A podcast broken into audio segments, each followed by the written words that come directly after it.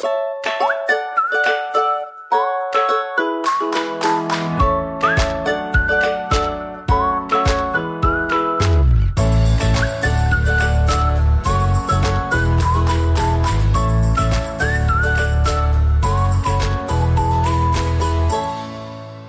allemaal en welkom bij aflevering 20 van de Wat ik wou dat ik wist podcast. Mijn naam is Kelly, ik ben 25 en in deze podcast deel ik alles wat ik meemaak als twintiger en hoop ik dat jij uh, uh, wat dingetjes daaruit herkenbaar vindt. Want het is altijd fijn om even te horen dat andere mensen een beetje in hetzelfde schuitje zitten.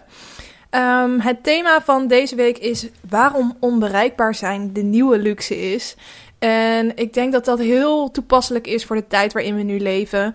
Um, de verschillende digitale mogelijkheden die er zijn om iemand te bereiken zijn echt oneindig. En uh, dat brengt natuurlijk ook een hele hoop druk met zich mee om altijd maar bereikbaar te zijn.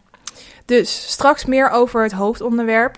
Uh, ten eerste weer superleuk dat je luistert. Ik heb afgelopen week uh, heel veel leuke berichtjes gehad van nieuwe luisteraars. Ik zie ook dat steeds vaker mensen uh, deze podcast delen op hun eigen Instagram. Dat vind ik echt super tof om te zien. Dus het gaat allemaal heel lekker en ik vind het ontzettend leuk dat jullie met zoveel zijn. Nou, dat gezegd hebbende, laten we doorgaan naar het uh, eerste segmentje van de aflevering. En dat is natuurlijk lekker loeren. En hierin neem ik op een uh, luchtige manier de week met je door. Kijk ik naar al het celebrity nieuws, het, nieuws waar je eigenlijk een beetje van zit te smullen. Dat neem ik hierin door. Uh, en we beginnen met de aankondiging voor het Songfestival dit jaar. We sturen natuurlijk elk jaar weer een nieuwe act naar het Eurovisie Songfestival. Uh, ik vind het altijd best wel leuk om te kijken. Ik heb ook vaak dat ik in, op dat moment ergens werk waar de mensen om me heen het ook gewoon ontzettend, ja, bijna hilarisch vinden om het te kijken. Omdat er natuurlijk zulke bizarre acts tussen zitten. Ik noem maar wat, die vrouw die vorig jaar had gewonnen met het kippenlied. um, het is best wel hilarisch altijd. Uh, en ik ben ook altijd heel benieuwd naar degene die we voor Nederland gaan aankondigen. En normaal wordt dat altijd al eind uh, afgelopen jaar, dus in dit geval dus eind 2018, aangekondigd. En uh, er was dus nog helemaal niemand aangekondigd. Tot deze week. Want hier komt hij. De act die we naar het Eurovisie Songfestival 2019 gaan stu sturen is Duncan Lawrence. Duncan wie? Echt, toen ik dat hoorde dacht ik... Of ik heb echt twee jaar onder een steen geleefd... of deze persoon uh, bestaat gewoon nog niet in de, de artiestenwereld, de bekende artiestenwereld, om het zo maar even te zeggen. Ik uh, moest hem echt eventjes googlen en ook iedereen om me, hoorde, om heen hoorde ik zeggen van wie is dat? En ik was gewoon een beetje een soort van boos. Ik merkte echt dat ik toch wel meer gehecht ben aan het Songfestival dan ik dacht. Want ik dacht echt, ja, uh, ik, ik ken deze persoon niet. We moeten toch als Nederland vol trots achter degene staan die we naar het Songfestival gaan sturen. Hoe kan dat nou als deze persoon zichzelf nog helemaal niet bewezen heeft in Nederland? Ik vond het echt een hele gekke zet. Um, nou, wat blijkt, hij heeft uh, een aantal jaar geleden met, het, um, met de Voice of Holland meegedaan. Het seizoen dat OG had gewonnen. Toen is hij net voor de finale eruit gegaan. En um, hoe het werkt in Nederland is dat verschillende personen eigenlijk mensen kunnen aandragen voor het Eurovisie Songfestival. In dit geval is het volgens mij Ilse het Lange geweest die dus die Duncan Lawrence heeft aangedragen. Um, en er staat altijd al vast wat voor nummer we naar het Songfestival gaan sturen. Dus er is iemand die heeft het nummer geschreven. En daar wordt dus een persoon bijgezocht die uh, dat nummer het best kan vertolken. Nou, die match die zal er best wel zijn. Ik denk dat het echt wel een heel mooi nummer zal worden. Maar ik moest toch eventjes schakelen van... oké, we gaan iemand sturen die ik eigenlijk nog helemaal niet ken. Ik heb voor de rest ook nog helemaal geen interview met hem gezien. Misschien is dat er inmiddels al wel, maar... Um, ja, we moeten nog eventjes een beetje meegroeien met deze man, denk ik. En uh, ik ga uiteraard kijken en ik heb heel veel zin in. En um, we gaan er gewoon weer een feestje van maken. Verder in Lekker Loeren deze week is uh, Temptation Island. Want het nieuwe seizoen Temptation Island gaat 14 februari van start op Valentijnsdag. Hoe toepasselijk. Als je denkt, nou, uh, het gaat allemaal uh, niet zo lekker in mijn relatie. Dan moet je lekker op Valentijnsdag Temptation Island gaan kijken. Want dan zie je hoe het allemaal veel erger kan. Um, afgelopen week kwam er een teaser uit. Uh, die was volgens mij niet van RTL 5, maar van 5. En dat is de Vlaamse zender die Temptation Island tegelijkertijd met Nederland uitzendt. Er zitten natuurlijk ook weer twee Vlaamse stellen in. Uh, trouwens, Michelle Cox, dat is natuurlijk het, ja, de, de, detective van Temptation Island. Die heeft al twee koppels gevonden die mee gaan doen. Ik ken ze allebei niet, maar je kan eventjes uh, erop googlen. Michelle Cox, verleiders of in ieder geval nee, de koppels. Dus koppels Temptation Island bekend of zo. En dan zie je al wat foto's van waarschijnlijk de eerste twee koppels die meedoen. Um, ze moesten volgens mij van haar eigen Facebook verwijderen. Dus daardoor denk ik wel dat ze gelijk heeft. En dat uh, uh, RTL of die Vlaamse zender gewoon het nog eventjes geheim wilde houden. En haar daar geldbedrag voor hebben betaald of zo. Dat denk ik. Anyway, er zijn dus al twee koppels bekend. Maar die zijn niet uh, bekend in Nederland. Want het zijn allebei Vlaams. Um, dus die van Nederland moeten nog bekend worden. En ik ben heel benieuwd. Maar goed, deze teaser uh, die zet al heel lekker de sfeer neer voor het nieuwe seizoen. Je ziet er nog heel weinig in, maar je hoort al wel wat gekreun. Je ziet wat zwart-wit beelden van een bed. Je weet al een beetje dat het weer helemaal fout gaat lopen dit seizoen. En dat is natuurlijk waarvoor we kijken. Um, dus ik was alweer helemaal excited en ik heb er heel veel zin in. Um, derde nieuwtje. Magic Mike, uh, wat natuurlijk een heerlijke film is om naar te kijken, die gaat vermusicald worden. Ik wou verfilmd zeggen, maar het is natuurlijk een film. Dus in dit geval een eigen verzonnen woord. Hij wordt vermusicald. Um, in Amerika, dus helaas, je kan niet in Nederland naar Magic Mike the Musical. Maar wat wel grappig is, dat de Channing Tatum, die natuurlijk de hoofdrol speelde in Magic Mike, ook degene is die deze musical gaat produceren. En um, hij zal dus eerst in Amerika te zien zijn en wie weet dat hij ooit naar Nederland komt. Al moet ik zeggen dat ik niet helemaal weet of het ook echt zal kunnen opleveren. Hoe zeg je dat? Dat het, dat het net zo'n succes zal kunnen gaan worden als die film. Ik denk het niet. Het lijkt me ook heel gek als opeens midden in zo'n sexy scène allemaal gaan zingen. Dat maakt het toch een beetje, ja, ik wil het niet zeggen, maar een beetje gay. uh, en je wil, je wil natuurlijk echt van die stoere mannen hebben. En die, ja, ik weet ik vind het toch een beetje gek dat ze dan eventueel zouden gaan zingen. En dat is wel wat er bij een musical hoort. Maar weet je, wie weet wordt het wel hartstikke vet. En uh, we gaan het zien. Ik hoop dat ze een beetje wat sneak previews op internet plaatsen. Zodat wij vanuit Nederland ook mee kunnen genieten. En tot slot, hij is echt wel heel slecht dit lijstje vandaag zeg. Um, Fifty Shades of Grey schrijver, E.L. James heet zij. Die is natuurlijk mega succesvol geweest met die Fifty Shades of Grey serie. Um, maar nu is het wel op een punt dat het gewoon over is. Maar goed nieuws, ze komt met een nieuw boek. En dat nieuwe boek heet The Mister. Het klinkt alweer heel mysterieus. Um, en in dit boek is er weer zo'nzelfde soort verhaallijn, maar wel met compleet andere mensen. Dus um, dat wordt weer een boek om van te smullen. Niemand gaat natuurlijk toegeven dat ze het gaan lezen. Maar stiekem willen we het allemaal wel lezen. Uh, en ik zal het gewoon maar bekennen. Ik ga hem zeker lezen. Ik ben heel benieuwd. Dus uh, hou die in de gaten. Dat was het voor Lekker Loeren deze week. Dan gaan we naar het uh, LKL'tje, waarin ik je lees, kijk en luistertips geef. Deze week helaas geen leestip. Ik zit nog gewoon lekker in, ja, wat ik, waar ik afgelopen weken mee bezig ben. Het lukt me gewoon niet om elke week iets nieuws te lezen, dus die skip ik deze week. Iets wat ik heb gekeken is iets wat volgens mij iedereen met een Netflix-abonnement afgelopen week heeft gekeken. Dat is namelijk Fire Festival, de documentaire. Ik was dit festival alweer een beetje vergeten, maar toen ik die documentaire zag, toen dacht ik: oh ja, dit was echt insane. Het was een aantal jaar geleden. Um, werd er promotie gedaan voor een festival dat zo ontzettend exclusief zou moeten zijn. Het zou plaatsvinden op een eiland. Um, de allergrootste influencers zouden er naartoe komen. Al die influencers hadden op hun eigen Instagram een soort oranje vierkant geplaatst. Zonder context te geven. Dus dat creëerde al een enorme buzz. En uiteindelijk bleek er dus om te gaan dat zij allemaal naar het Fire Festival zouden gaan. Nou, je kon daar een, een cabin huren voor 20.000 dollar. Um, er waren, je kon ook een bootcruise doen. Um, nou ja, eigenlijk een normaal festival, maar dan absoluut niet als Lowlands. Gewoon 10.000 keer zo luxe. Dat zo is een beetje hoe je het moet, moet zien. En de tickets waren natuurlijk ook belachelijk duur. En alleen echt de, de crème de la crème die zou daar dus heen gaan komen. Nou ja, toen is dat één grote ravage gebleken. Want niks was zoals ze het hadden aangegeven. Of hadden voorspeld of gezegd dat het zou zijn. Um, dat zie je dus in die documentaire. Dus je ziet de man die eigenlijk dit Fire Festival heeft bedacht. En ehm, hij lijkt echt een enorm succesvolle jonge gast die precies weet waar hij mee bezig is. Hij kan iedereen ontzettend goed verkopen op zijn ideeën. En uh, zo gaat het ook met dit festival. Hij had al een app die Fire heet. En om die, die app een beetje te, te promoten, heeft hij dus dit festival bedacht. Uh, Rule, die rapper, die is er ook bij betrokken. Die organiseert het samen met hem. En eigenlijk zie je stap voor stap hoe de plannen voor dit festival steeds groter en groter worden. En hoe de kans om die plannen te verwezenlijken eigenlijk steeds kleiner wordt. En je ziet de mensen om hem heen gewoon steeds uh, banger worden, omdat ze weten dat het fout gaat. Terwijl die man maar blijft zeggen dat het goed komt. Je wordt daar helemaal in meegenomen en het is echt, echt insane hoe fout het allemaal gaat. Ik wil niet te veel weggeven, daarvoor moet je het echt gaan kijken. Maar uh, het doet je ook heel erg beseffen hoe makkelijk het is om mensen op een verkeerd been te zetten via social media.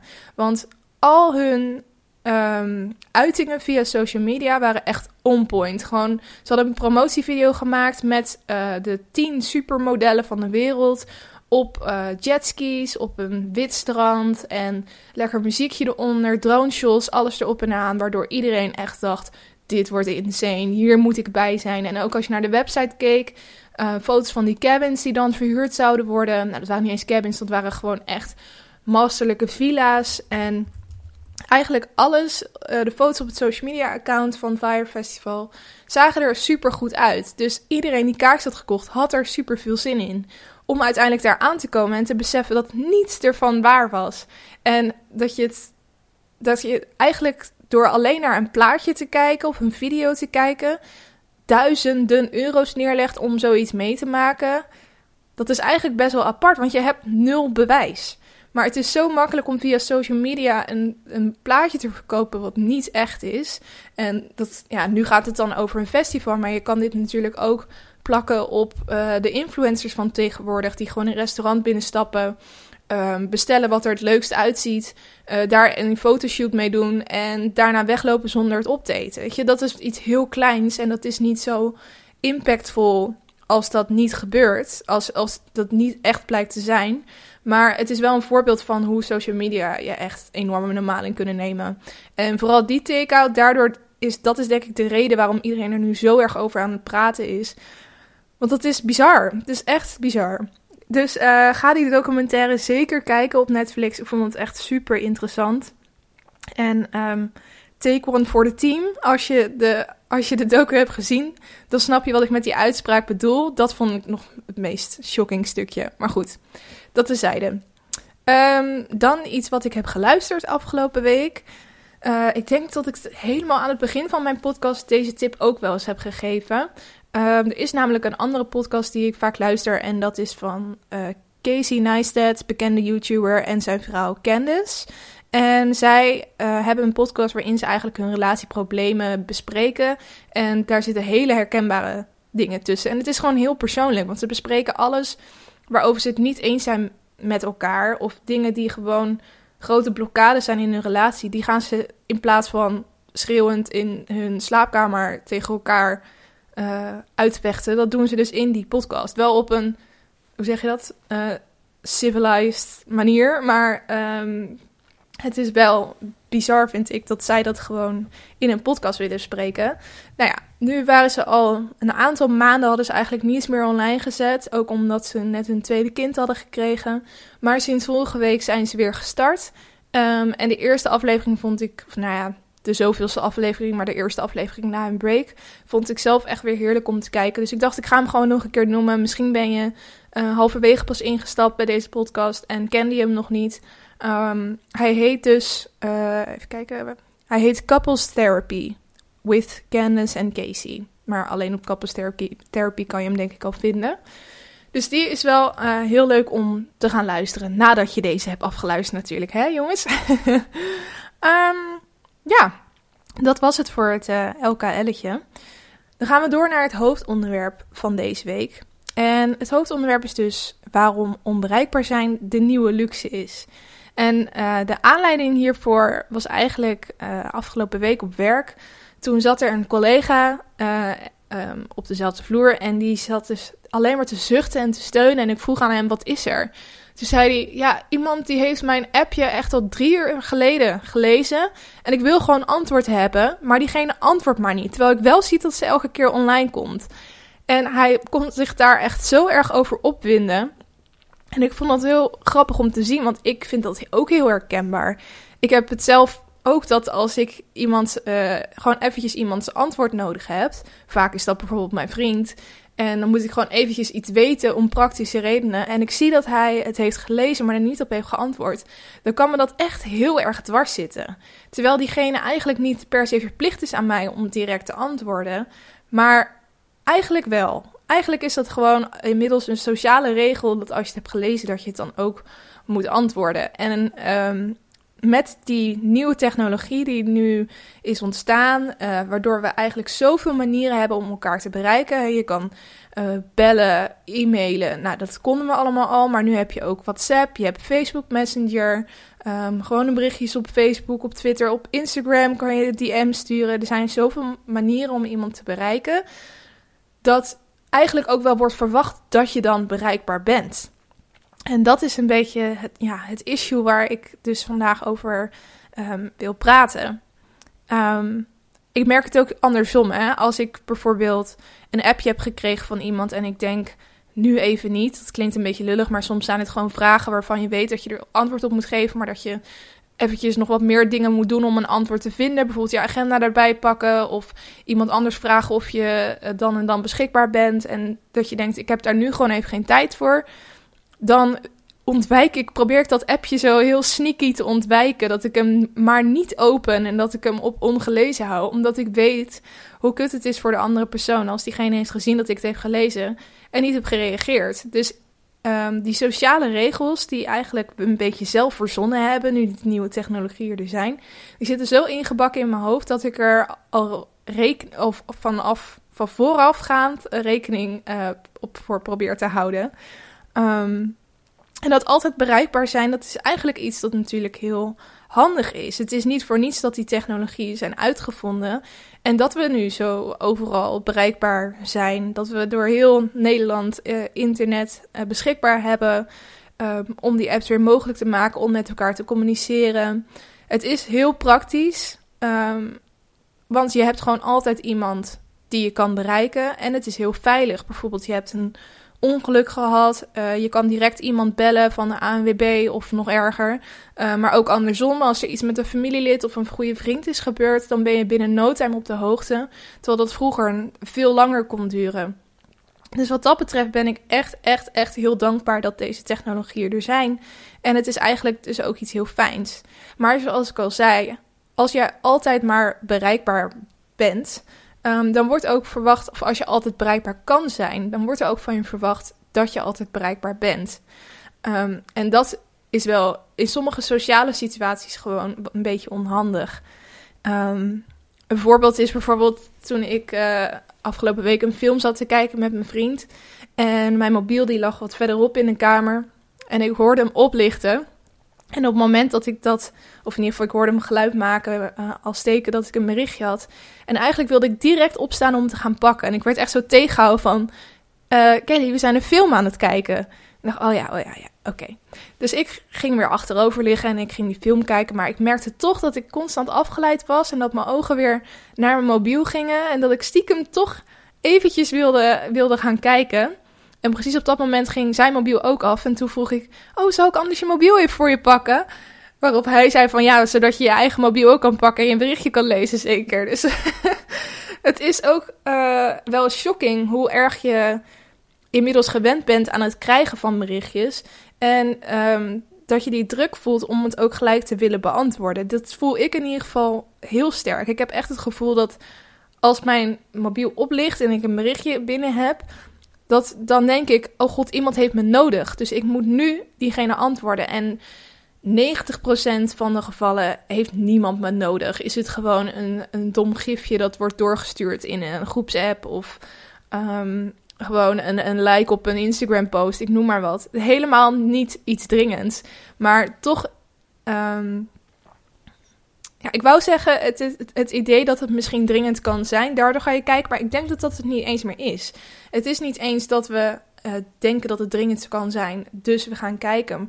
We zien eigenlijk al die kleinere dingen, dus ook die like op een Instagram-foto en um, ook dat domme gifje in een groepsapp, zien wij inmiddels al als dringend.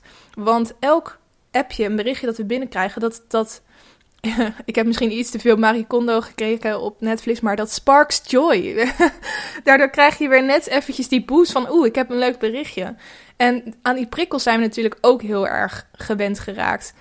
Um, dus zowel het bereikbaar zijn als het bereikbaar willen zijn, dat werkt eigenlijk samen, waardoor je uh, heel erg verbonden bent met dat, met dat apparaat. Ik heb het ook wel eens in een eerdere aflevering hierover gehad. Uh, over telefoonverslaving of social media verslaving. Um, die prikkels, die, die zijn gewoon ingebakken in ons systeem tegenwoordig. We hebben er behoefte aan. En uh, je leert jezelf eigenlijk aan om te reageren. En als je dat eenmaal hebt gedaan, dan is het heel lastig om daarvan af te kicken. Um, en dit is ook wel iets gevaarlijks eigenlijk. Want hoe meer uh, prikkels je krijgt, um, dat vervaagt ook een beetje de grens tussen privé en werk.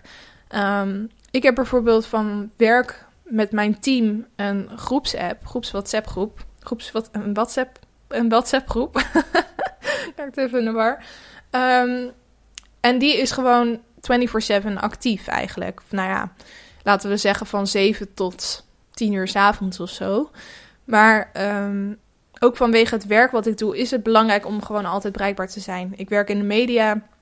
En dan kan natuurlijk elk moment iets gebeuren uh, waarop we moeten inhaken, uh, waarop we door moeten pakken. En dan moet gewoon iemand het gaan doen, ook al is het s'avonds. En dan compenseer je dat bijvoorbeeld weer de volgende dag. Um, en maar zelfs denk ik al voor mensen die wel een 9 tot 5 baan hebben, is het denk ik wel herkenbaar dat het kan gebeuren dat je s'avonds gewoon nog een berichtje krijgt van je baas of een, collega um, over werk. En uh, dat die mogelijkheid er is, dat brengt natuurlijk wel een beetje. Uh, dat, kan, dat kan best wel wat druk op je leggen om altijd maar bereikbaar te zijn. Um, om in de avond ook aan werk te zitten. Want door die mogelijkheid ben je eigenlijk uh, nooit meer non-actief wat, wat werk betreft. Je bent altijd, eigenlijk zijn die, grenzen vervaagd en loopt alles een klein beetje in elkaar over. En dat kan prima zijn. Um, ik heb er zelf gelukkig niet zoveel last van en uh, ik kan het allemaal best wel goed balanceren. Maar het kan natuurlijk doorslaan tot het moment dat je denkt van, oh, ik zit toch thuis uh, op de bank en ik krijg even wat berichtjes binnen. Um, ik pak het wel eventjes op uh, totdat je gewoon uh, eh, 80 uur per week met werk bezig bent. En het idee hebt dat je niet 80 uur met werk bezig bent, omdat je de helft van de tijd s'avonds thuis op de bank zit. Dus het voelt niet als werk. En dat is natuurlijk wel een, uh, een gevaarlijk iets. In dat kader van altijd maar bereikbaar zijn. Dus zowel op privégebied als op werkgebied brengt het gewoon best wel veel prikkels met zich mee. En zelfs op vakantie uh, zijn we tegenwoordig bereikbaar. Dat is iets wat ik afgelopen zomer merkte. Misschien is het al langer. Ja, volgens mij is het al. Nee, dat was al, het is al twee jaar of al drie jaar misschien al wel. Uh, dat we 4G hebben in heel Europa. Nou, de meeste mensen gaan denk ik wel het vaakst in Europa op vakantie. Um, en vroeger, als ik op vakantie ging, dan wist ik gewoon dat ik mijn mobiel niet kon gebruiken. En die zat dan ook doodleuk gewoon een paar dagen in mijn tas. En dan was die misschien uitgegaan. En dan um, laat ik hem weer eventjes ergens op. En alleen op het moment dat je dacht van ik moet die, die en die persoon straks nog kunnen vinden, dan nam je mobiel mee, want dan kon je elkaar eventjes bellen waar diegene was. En in eerste instantie zou je denken van dan moet je onwijs afkicken, want je bent gewend om non-stop berichtjes te krijgen. Maar eigenlijk op het moment dat dat er niet meer was, uh, was je er ook niet meer geneigd om op te kijken. Of in ieder geval, dat had ik. Dus op een gegeven moment dacht ik van, oh, het is eigenlijk best wel chill dat ik um, helemaal niet de behoefte heb om nu constant op mijn mobiel te zitten. Um, en om maar te checken of ik niet nog nieuwe berichtjes heb. En nu is dat natuurlijk wel anders, want nu we ook 4G hebben in het buitenland, het is aan de ene kant echt heel praktisch hoor, want zeker als je een auto hebt gehuurd um, en er zit niet automatisch, hoe heet dat? GPS, navigatie in. Dan is het natuurlijk heel handig dat je op je mobiel gewoon Google Maps aan kan zetten. En dat niet uh, als je thuis komt je een rekening van 30 euro hebt. Dus dat is wel heel chill. aan de andere kant ehm, neemt het wel weer een stukje van je, van je vrijheid, van je vakantie weg als je internet aan laat staan. Omdat je dus allemaal berichtjes nog krijgt. En dan kan je er natuurlijk voor kiezen, dat, weet dat mensen dat ook wel eens doen, om dan die specifieke apps uit te zetten. Of dus om WhatsApp uit te zetten, om Facebook uit te zetten, Twitter, al gewoon alle social media. En alsnog puur te, ehm, ja, te leunen op bellen en sms'en. Uh, en eventueel navigatie aan te hebben. Dat is natuurlijk iets wat je kan doen. Maar in de praktijk is dat denk ik niet iets dat heel vaak uh, gebeurt. En daardoor ben je dus toch maar op internet uh, aan het kijken wat andere mensen aan het doen zijn, aan het liken, aan het reageren op berichtjes. En um, ja, dat is, vind, vind, ik best wel jammer. Dus um, misschien had ik liever gewoon geen 4G in Europa gehad. en dat is best wel een gek iets om te zeggen. Ik denk dat dat toch een beetje dat, dat is dat je dan verlangt naar vroeger en een beetje dat, dat, dat onbereikbaar zijn zonder de drang onbereikbaar te zijn. Dat was toch wel heel lekker aan. En um, dat kan nu dus niet meer, want we zijn ook heel erg afhankelijk van mobiel in Nederland. Uh, in ieder geval, ik ben er, ik moet een beetje misschien wat meer voor mezelf spreken, maar ik merk wel dat ik echt heel erg afhankelijk ben geworden van die mobiel. Niet alleen door berichtjes, maar ook door hele praktische redenen. Ik zei het net al, uh, die navigatie in het buitenland, maar ik gebruik eigenlijk ook altijd navigatie op mijn mobiel in Nederland. En toen uh, was ik vorige week door Rotterdam aan het rijden. Of ik ging van Amsterdam naar Rotterdam. En ik moest in de binnenstad uh, ergens mijn auto gaan parkeren. Ik wist waar ik moest zijn en zo. En ik had het ingevoerd op mijn mobiel, op Google Maps. En um, ik zag dat mijn mobiel uh, niet helemaal opgeladen was op het moment dat ik wegreed. Maar ik dacht, ik heb mijn oplader bij me, dus die steek ik in mijn mobiel en in de auto en dan laat hij vanzelf op. Nou, wat bleek, dat draadje was kapot, dus hij laadde niet op. En hoe dichter ik bij Rotterdam kwam, hoe leger mijn mobiel raakte. En op een gegeven moment toen kwam het zo close dat ik dacht: oh, oh ik denk dat ik straks midden in de binnenstad van Rotterdam um, zonder navigatie kom te staan.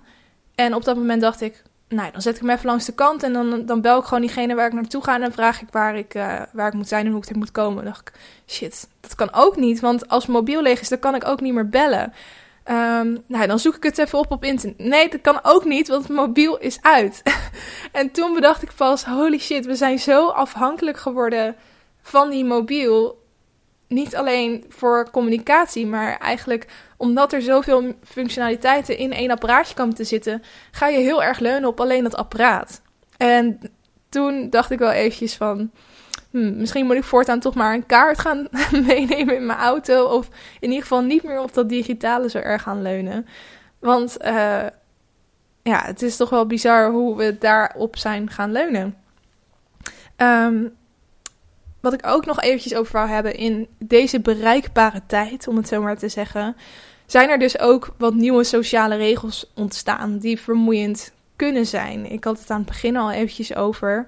Um, maar ik denk zeker uh, met daten, daar heb ik nu natuurlijk niet zoveel last van in een lange relatie, maar uh, zeker in het daten in deze tijd, dat het best wel vermoeiend kan zijn om rekening te houden met al die sociale regels die zijn ontstaan. Uh, nu we zo makkelijk bereikbaar zijn voor elkaar.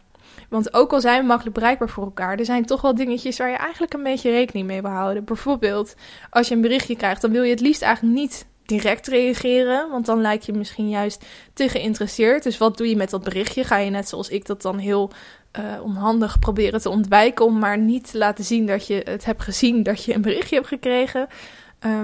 Maar het is ook weer zo dat als je hem niet, als je hem niet opent of niet reageert, dat de ander dan weer denkt dat je niet geïnteresseerd bent. En dan kan er natuurlijk weer wat frustratie ontstaan aan de andere kant. En ik denk dat dat zeker met daten uh, vroeger toch wel een stuk makkelijker ging. Dat je gewoon alleen een huistelefoon had. Dat je opbelde naar de ander en zei van uh, uh, wil je zaterdag met mij uit eten? Ja, is goed. En dat er daarna gewoon nog een keer gebeld werd. Maar dat het niet de hele tijd. Het neemt nu gewoon heel erg veel van je brein in beslag als je op elk moment een berichtje kan krijgen en moet gaan bedenken wat je daarmee kan gaan doen. In plaats van dat je overvallen wordt door een belletje of gewoon iemand opbelt en dat is het dan. Dan heb je het afgesproken en dan is het afgehandeld. Dat is natuurlijk veel cleaner en, en fijner. Maar ja, dat is dus ook weer een nadeel die erbij komt kijken. Um, nu je altijd bereikbaar bent. En hoe kut voelt het eigenlijk ook als je berichtje gelezen is en hij wordt niet beantwoord. Dat is net alsof je, als je dat zou vergelijken met hoe het in de echte wereld gaat, dan zou het zijn alsof je uh, in een gesprek bent met iemand en jij zegt iets tegen iemand en diegene zegt niets terug, draait zich gelijk om en loopt weg. Dat, dat zou gewoon niet kunnen in het echte leven. En ik denk dat daardoor um, we zo gefrustreerd raken en die sociale regels hebben opgesteld um, dat dit soort dingen niet kunnen. Um, of als je ziet dat diegene online is en niet reageert. Dat is eigenlijk precies hetzelfde als alsof diegene tegenover je staat, maar je alleen maar aan blijft staren en zwijgt. Dat is toch een hartstikke kut situatie. Het maakt het gewoon een beetje ongemakkelijk. En dat is wel een dingetje die er natuurlijk bij komt kijken. Dus het is best een vermoeiende tijd. Dus waarom doen we het? Waarom grijpen we niet gewoon terug naar die luxe van onbereikbaarheid? Waarom is dat zoiets onbereikbaars geworden, de luxe om onbereikbaar te zijn? Um, ik vraag me af of iemand van jullie wel eens een dag lang zijn mobiel bijvoorbeeld thuis heeft gelaten. En hoe dat dan voelde. Um, ik kan het zelf dus helaas niet doen vanwege werk. Misschien zou ik het een keer in het weekend kunnen proberen, maar eigenlijk moet ik zelfstand bereikbaar zijn. Um, en ik vind het stiekem natuurlijk ook wel fijn om gewoon bereikbaar te kunnen zijn, omdat dat iets is dat ik gewend ben. Maar ik geloof best dat er een hoop mensen zijn die veel minder verslaafd zijn aan hun mobiel als ik. En die uh, wat voordelen kunnen opnoemen van dat onbereikbaar zijn. Ik uh, um, ken wel wat mensen, onder mijn vriend, die uh, het eigenlijk heel makkelijk kan loslaten. Die best wel vaak dus gewoon zijn mobiel in andere kamer laat liggen of hem per ongeluk niet heeft meegenomen. En um, dat klinkt dan in eerste instantie heel bevrijdend. Maar aan de andere kant, als hij het dan wel eens in, in gesprekken noemt met andere mensen erbij, dan is het zo van uh, dat iemand dan zegt van uh, oh, nou, ik kreeg een berichtje, dus ik moest even kijken. En dat dan er een soort gesprek ontstaat waarbij um, mijn vriend zegt van... Oh, maar ik kan hem makkelijk een hele dag in een andere kamer laten liggen hoor.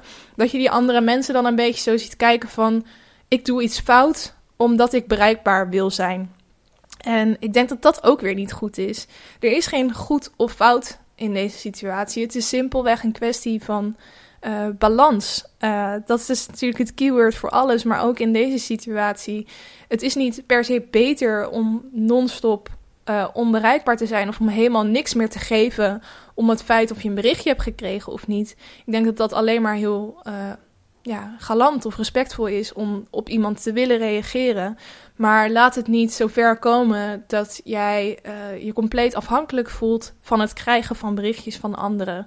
Of dat jij altijd maar het idee hebt dat je bereikbaar moet zijn, waardoor je eigenlijk overwerkt raakt als het om uh, sociale of als het om werksituaties gaat.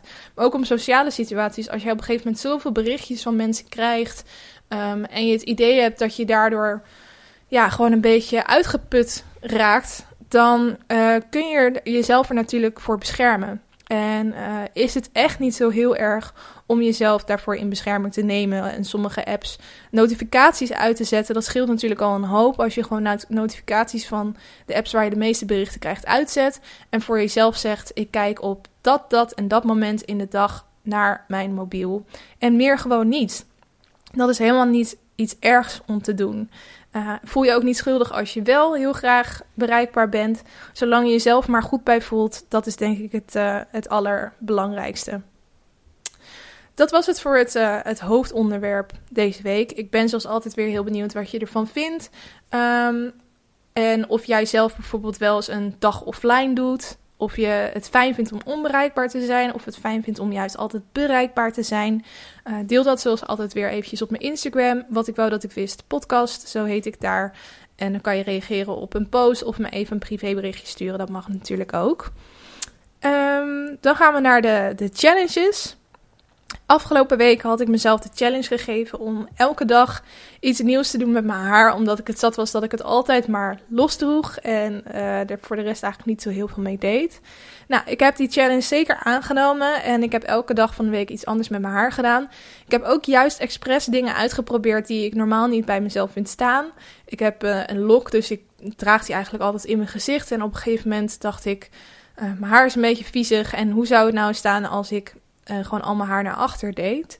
Dus dat heb ik ook een keer gedaan. Daar voelde ik me eerst wat ongemakkelijk over, maar ik kreeg toch wat complimentjes over. Dus dat zijn dan wel weer dingen waardoor je denkt: oh, zie je wel, ik moet het gewoon uitproberen en dan is het wel leuk. En ik heb nu hierdoor, door dit experiment, ook wel echt zin gekregen om wat meer moeite te steken in mijn haar. Ik ben ook allemaal van die scrunchies gaan bestellen en leuke dingen om in je haar te doen. Um, en het hoeft niet eens zo heel veel werk te kosten of tijd te kosten, heb ik gemerkt. Want eigenlijk was ik elke ochtend nog steeds in vijf minuutjes wel klaar met mijn haar. Dus dat viel allemaal reuze mee. Dus uh, aanrader om dat te doen als je ook zelf een beetje merkt dat je gewoon lui wordt op het gebied van haar. Het is echt heel leuk om ermee te experimenteren. En je hebt zoveel leuke tutorials op YouTube. Uh, en inspiratie om dingen te doen met je haar. Dat is echt uh, oneindig. Um, dan een challenge voor aankomende week. Ik heb uh, van die leuke lijsten hangen in mijn kamer om de muur een beetje op te vullen.